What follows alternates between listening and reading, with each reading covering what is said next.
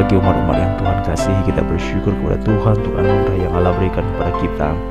Mari kita akan membaca kitab suci dan merenungkannya dari dua bagian Yaitu dalam Rut pasal yang kedua. Kita akan membaca ayat yang ke-10 sampai yang ke-11 Rut pasal yang kedua ayat yang ke-10 sampai 11 Lalu kita akan membaca Rut pasal yang ketiga ayat yang ke-9 Demikianlah firman Tuhan. Lalu sujudlah Rut menyembah dengan mukanya sampai ke tanah dan berkata kepadanya, Mengapakah aku mendapat belas kasihan daripadamu Sehingga Tuhan memperhatikan aku Padahal aku ini seorang asing? Boas menjawab Telah dikabarkan orang kepadaku dengan lengkap Segala sesuatu yang engkau lakukan kepada mertuamu Sudah suami mati Dan bagaimana engkau meninggalkan ibu bapamu dan tanah kelahiranmu Serta pergi ke suatu bangsa yang dahulu tidak engkau kenal. Ayat yang ke pasal 39 Bertanyalah ia, siapakah engkau ini? Jawabnya, aku Rut hambamu.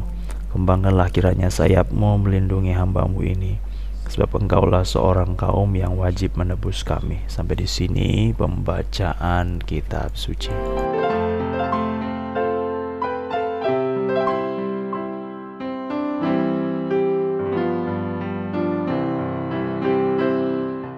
Umat-umat yang Tuhan kasihi, waktu kita membaca kitab Rut, maka kita harus lihat bahwa ini adalah bagian dari pekerjaan keselamatan yang telah Allah kerjakan tentang lahirnya juru selamat kita, Yesus Kristus. Karena Rut diceritakan dalam pasal yang keempat, nenek moyang dari Raja Daud.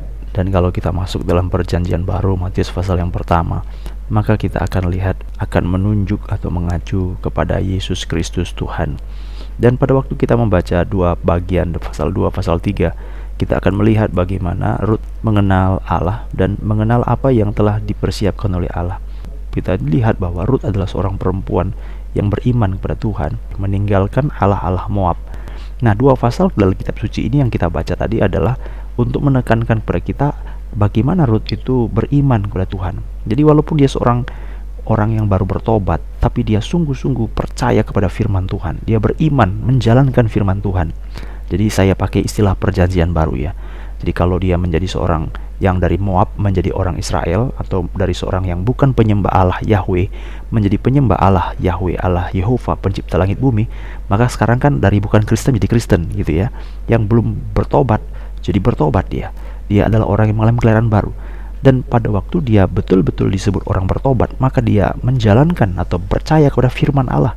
Nah, dua bagian firman Allah itu adalah yang pertama, mereka ada orang yang tidak punya apa-apa, mereka adalah orang yang kembali dengan tangan yang kosong, mereka adalah orang yang miskin, dan pada waktu itu adalah musim menuai, musim panen jelai. Apa yang dilakukan? Ruth pergi ke ladang Boas ke ladang Boas. Dia tidak tahu sebenarnya ladang itu ladang siapa. Tetapi dia pergi ke satu ladang di mana semua ladang-ladang di daerah itu kan sementara memanen. Lalu apa yang dilakukan Ruth? Maka Ruth mengambil bertih-bertih berkas-berkas jelai yang jatuh diambil. Nah, kenapa ini peristiwa yang penting? Karena ini adalah hal yang diatur oleh Tuhan. Jadi kalau kamu nanti panen kata Tuhan kepada bangsa Israel pada waktu mereka keluar dari Mesir, Imamat pasal yang ke-19. Imamat pasal yang ke-19 ayat 9 sampai 10. Ulangan pasal 24 ayat 19 sampai 20. Jadi dalam Imamat pasal 19 ayat 9 sampai 10 Tuhan berkata kepada mereka, kalau nanti kamu keluar masuk ke tanah perjanjian, di situ kamu nanti akan panen, di situ nanti kamu akan mendapatkan hasil tanahmu. Kalau kamu nanti panen, jangan kamu memanen sampai ke tepi-tepinya. Harus ada yang disisakan atau disiapkan bagi orang-orang asing. Mereka tidak punya apa-apa, Ruth tidak punya apa-apa. Dan pada waktu dia datang ke ladang, di ladang itu dia mendapatkan berkas-berkas jelai seperti yang diatur, yang diperintahkan oleh Tuhan. Demikianlah maka dalam ayat yang kedua dia katakan, biarkan aku pergi ke ladang memungut bulir-bulir jelai di belakang orang. Jadi dia percaya bahwa ada aturan daripada firman Tuhan yang memberikan suatu kemurahan hati kepada orang-orang miskin. Dia beriman ada firman Tuhan yang mengatur supaya orang-orang asing boleh mendapat kehidupan di tengah-tengah orang Israel. Ruth orang asing, dia orang Moab. Ruth dia orang miskin, dia beriman kepada Tuhan. Makanya dia tahu. Nah, sekarang pertanyaannya, kenapa bisa Ruth bisa tahu ada firman Tuhan seperti itu? Kenapa dia bisa tahu bahwa kalau orang Israel panen pasti ada yang disisakan untuk orang asing? Dari mana Ruth tahu?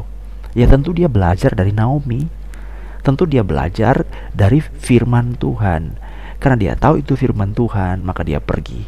Karena dia tahu itu firman Tuhan, dia beriman, maka dia pergi. Karena dia tahu setiap ladang orang Israel pasti ada bertih-bertih, ada berkas-berkas yang disediakan atau yang dapat dinikmati oleh orang asing dan orang-orang miskin.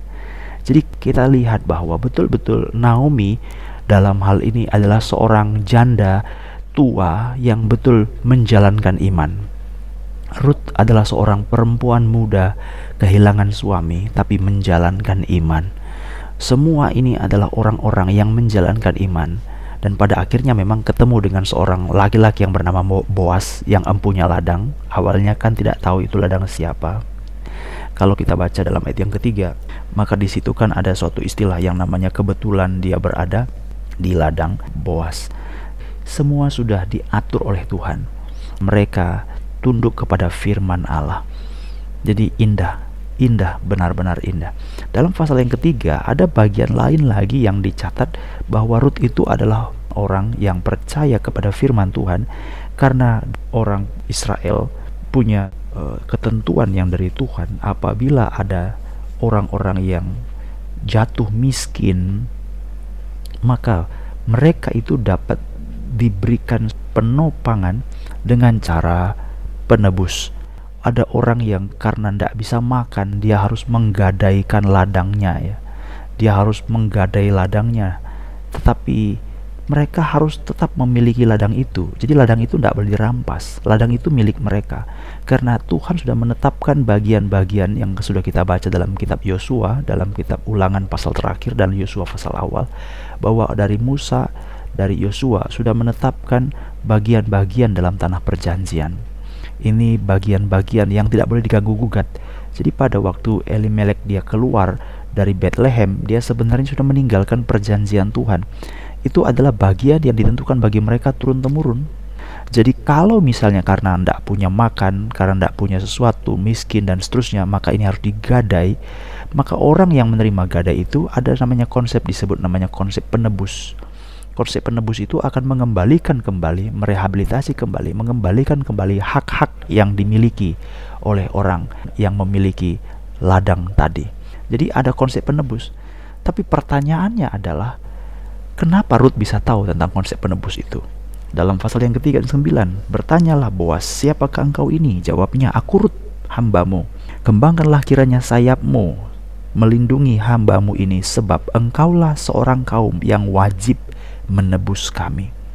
Nah, kalau kita baca istilahnya dalam Perjanjian Lama, maka penebusan itu adalah penebusan untuk mengembalikan hak-hak orang yang telah menggadaikan karena kemiskinan, karena perang, karena sesuatu hal, karena rampasan, dikembalikan lagi hak yang sudah ditentukan sejak semula. Maka kita tahu bahwa penebus ini adalah penebusan yang juga menceritakan tentang Kristus itu sendiri. Kristuslah yang menebus kita karena kita telah tergadai di bawah dosa. Kita telah menyerahkan diri kepada hawa nafsu dan keinginan kita. Kita tidak peduli firman Tuhan. Apa yang dilaksanakan oleh dunia ini itu yang kita lakukan. Kita sudah tergadai dengan dunia. Dunia itu memiliki satu kebiasaan seperti ini kita ikut-ikutan. Kita sudah tergadai dengan dunia. Itu sebabnya kita perlu penebus. Jadi saudara dikasih Tuhan kita melihat bahwa betapa indahnya apa yang terjadi dalam kitab Rut. Ini bukan hanya sekedar kitab biografi, ini bukan hanya sekitar cerita novel, ini bukan hanya sekitar cerita sesuatu orang yang memiliki kejatuhan lalu dia dibangkitkan dan dipulihkan. Tetapi bagaimana Allah sebenarnya telah menyediakan rancangan-rancangan dan rancangan-rancangan ini akan indah bagi setiap hidup setiap orang, akan mendatangkan sejahtera apabila orang tunduk kepada firman Allah. Ruth, kita lihat waktu dia tunduk kepada firman Allah bahwa ini adalah pemeliharaan yang telah ditetapkan Allah Tuhan mengembalikan semuanya. Tuhan telah menentukan. Seringkali kita mengalami banyak kesulitan karena ada orang-orang yang tidak sesuai dengan perjanjian. Ada orang-orang yang dikuasai oleh hawa nafsu dan keinginan daging. Ada orang yang hidup berdasarkan rencana sendiri bukan kehendak Allah. Ada orang yang melakukan segala sesuatu itu berdasarkan pendapat-pendapat dari orang-orang fasik. Ini semua akan merusak. Itu sebabnya Paulus berkata kepada jemaat di Korintus, "Jangan kamu bergaul sembarangan, karena pergaulan yang buruk itu akan merusak kebiasaan yang baik." Yesus berkata, "Sedikit ragi itu menghamili seluruh adonan." Seluruh hal-hal hidup dalam orang Israel sudah diatur oleh Tuhan. Kalau kamu keluar dari aturan ini, keluar dari perjanjian ini, kamu akan melarat, kamu akan menderita. Dan itulah yang terjadi sekarang. Semua manusia itu merusak tatanan hidup yang sudah diatur sejak semula. Semua dirusak, semua dirusak. Sehingga terjadi kesusahan-kesusahan. Mengambil jalan sendiri-sendiri. Tetapi percayalah saudara-saudara, walaupun hak-hak saudara itu dirampas, walaupun hak-hak saudara itu sepertinya terambil, tetapi ada penebus. Penebus kita itu hidup. Kalau Ruth orang asing, dia bisa melihat kekagumannya akan pemeliharaan Allah. Maka bukankah kita bersuka cita juga karena kita adalah orang-orang anak-anak perjanjian, maka Tuhan pun akan memelihara kita. Ada penebus kita itu hidup, Yesus Kristus. Marilah kita berdoa.